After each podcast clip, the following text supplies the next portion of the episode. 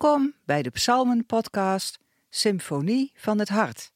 Vandaag door Marco Wittenberg. Vandaag lees ik uit Psalm 109, de versen 1 tot en met 5 en daarna de versen 21 tot en met 31.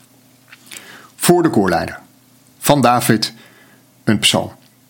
God die ik loof, blijf niet zwijgen, want vijandig en bedriegelijk is de mond van hen die mij beschuldigen. Hun tong spreekt niets dan leugens. Ze bestoken mij met woorden van haat. Zonder reden bestrijden ze mij. Ik bid voor hen, maar mijn liefde roept vijandschap op.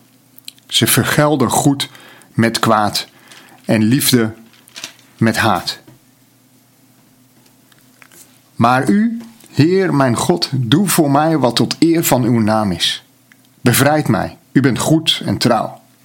Ik ben verzwakt en arm, gewond in het diepst van mijn hart. Ik verdwijn als een schaduw die lengt, als een sprinkhaan die wordt afgeschud. Mijn knieën zijn slap van het vasten, ik ben tot op het bot vermagerd. Ik wek de lachenlust op. Wie mij ziet, schudt meewarig het hoofd. Help mij, Heer mijn God, red mij in uw trouw. Dan zullen zij weten dat het uw hand is, dat u, Heer, dit hebt gedaan. Komt van hen de vloek, van u verwacht ik zegen. Schande voor mijn belagers, vreugde voor uw dienaar. Hoon zal het kleed zijn van wie mij aanklagen. Schande de mantel waarin zij zich hullen. De Heer zal ik prijzen met luide stem, hem loven te midden van velen. Hij staat de armen terzijde en redt hen uit de greep van hun rechters.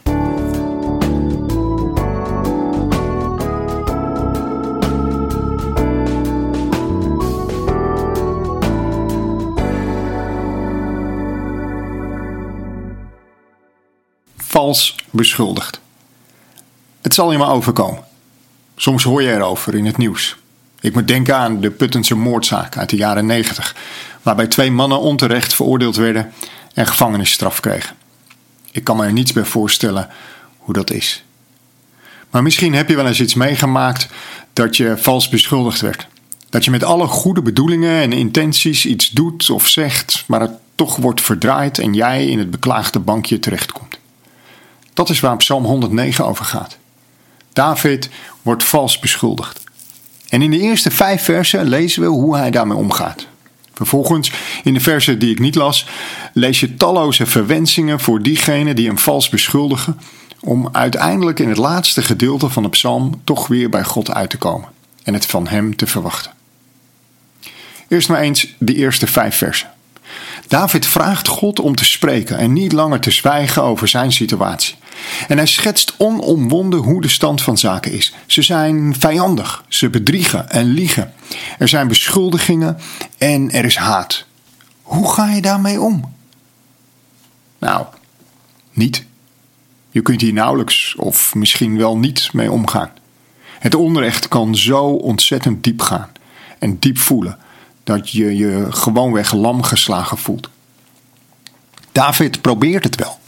Hij kende de woorden van Jezus om onze vijanden lief te hebben nog niet, maar hij brengt ze wel in praktijk. Hij bidt voor ze, hij houdt van ze, maar het baat niets. Sterker nog, het lijkt alleen maar erger te worden. Vijandschap, kwaad en haat zijn het antwoord wat hij krijgt. Wij zeggen dan stank voor dank. Maar in het geval van onrecht gaat het toch wat dieper vals beschuldigd worden veroorzaakt een litteken op je ziel.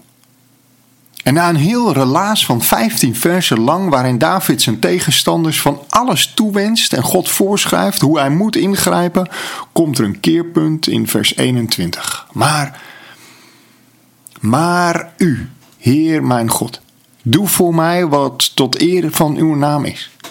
Er lijkt iets te zijn gebeurd. Alsof na het luchten van zijn hart David nu leeg is en ook zo leeg opnieuw bij God aanklopt. Een soort van aha-moment. Waarbij er besef is dat alles wat je een ander toewenst ook niet echt behulpzaam is. Niet behulpzaam voor de relatie, maar zeker ook niet behulpzaam, laat staan heilzaam, helend voor je eigen hart. David geeft zich over. Niet aan zijn vijanden, maar aan God. U bent goed en trouw. Ik ben verzwakt en arm, gewond tot in het diepste van mijn hart. En zoals kenmerkend is voor de psalmen, wordt beeldend de gemoedstoestand van David beschreven. Slappe knieën, vermagerd, een schaduw die verdwijnt, een sprinkhaan die wordt afgeschud. Help mij, Heer. De weg uit het web van onterechte beschuldiging die in deze psalm naar voren komt, is de weg van overgave. Hoe tegengesteld dit ook mag voelen. David laat ons zien dat het niet helpt om per se je eigen gelijk te halen of om het recht in eigen handen te nemen. Nee, de uitweg vinden we in volledige overgave aan God. Hoe moeilijk ook. Hoe pijnlijk ook. Voor de goede orde. Overgave betekent niet dat je jezelf als voetveeg moet laten gebruiken.